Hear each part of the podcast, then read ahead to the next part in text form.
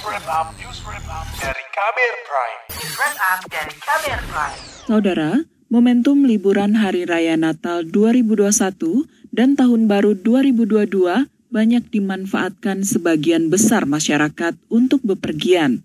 Meskipun masyarakat masih menyadari ada bahaya COVID-19 yang terus mengintai setiap saat. Salah satu warga yang melakukan perjalanan saat libur akhir tahun adalah Setia Gunawan. Ia bepergian dari Kabupaten Bogor, Jawa Barat menuju sejumlah daerah di Jawa Timur. Dia nekat bepergian di tengah pandemi dengan alasan ingin penyegaran atau refreshing sekaligus berkunjung ke rumah orang tua. Kalau destinasi wisata yang kita datangi itu eh, pertama kemarin itu di Jatim Park eh, satu eh, kalau lihat pengumumannya sih kapasitasnya 25 persen katanya. Memang kami masuk juga tidak tidak begitu ramai seperti biasanya ya. Terus masalah prokes sangat lumayan ketat. Selain eh, menunjukkan peduli lindungi, kita dilihatkan juga sertifikat eh, sertifikat vaksin ya.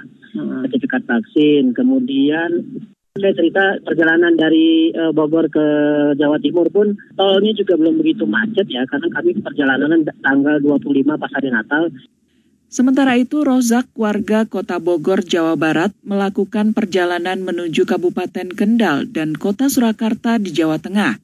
Rozak beralasan nekat bepergian saat Nataru dikarenakan angka kasus COVID-19 sedang landai. Selain itu, dia ingin menjadikan momen liburan untuk bersilaturahmi kepada keluarga di luar kota.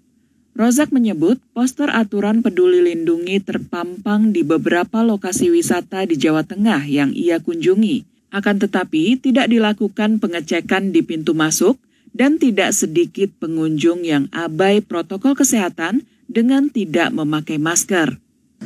Kondisi jalan, berangkat dan pulang cukup lengang ya tidak ada macet-macet. Mungkin yang macet hanya di beberapa titik itu pun di dalam kotanya bukan selama perjalanan di tol. Ah, tempat-tempat seperti kayak gitu ada ada posternya aja peduli lindungi cuman tidak dicek sama sekali. Apalagi pengecekan random tes antigen tidak ada hingga prokes pun banyak yang tidak pakai masker Pekan lalu, Menteri Dalam Negeri Tito Karnavian telah mengeluarkan surat edaran terkait instruksi kepada para kepala daerah untuk segera menerbitkan peraturan kepala daerah atau perkada. Tujuannya, kata Tito, yakni untuk menegakkan aturan penanggulangan COVID-19 di daerah. Tujuannya, kata Tito, yakni untuk menegakkan aturan penanggulangan COVID-19 di daerah – khususnya penggunaan aplikasi Peduli Lindungi. Hari ini saya keluarkan surat edaran agar para gubernur membuat peraturan kepala daerah. Itu sebentar saja dibuat.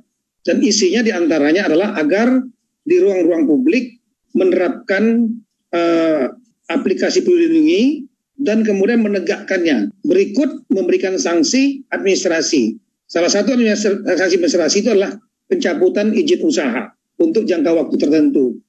Di sisi lain, pakar epidemiologi Universitas Erlangga Windu Purnomo mendesak agar penerapan aplikasi peduli lindungi di mal atau pusat perbelanjaan hingga tempat wisata benar-benar diimplementasikan di lapangan. Menurutnya, seluruh daerah harus mematuhi aturan dan tidak menganggapnya sebagai formalitas semata. QR code-nya dipasang di mana-mana itu, tapi tidak ada yang mindah dan tidak ada yang menegur dalam kondisi yang seperti sekarang, ada Omikron dan sebagainya. Yang melakukan pelanggaran seperti itu langsung tutup, tanpa badibu, tutup aja. Ya, tidak tutup sementara lah. Katakanlah tutup dua minggu, sudah. Itu kan membuat mereka jerah. Hmm. pengelola tempat publik akan jerah. Ya, kalau dibiarin, seperti sekarang kan dibiarin, dibiarin nih. Satgas daerah tidak mengawasi tidak melakukan sidak, jangan sidak dong. Kalau cuma main-main saja ya percuma. Epidemiolog Windu Purnomo mengatakan aplikasi peduli lindungi sebagai syarat pengetatan mobilitas masyarakat harus terus dipantau implementasinya di lapangan saat liburan Nataru. Menurutnya, efektivitas kebijakan yang dikeluarkan pemerintah melalui instruksi Menteri Dalam Negeri atau Inmendagri harus dipastikan berjalan sesuai prosedur. Demikian laporan khas KBR, saya Astri Yuwanasari. Kamu baru saja mendengarkan news wrap up dari Kabel Prime. Dengarkan terus kbrprime.id, podcast for curious mind.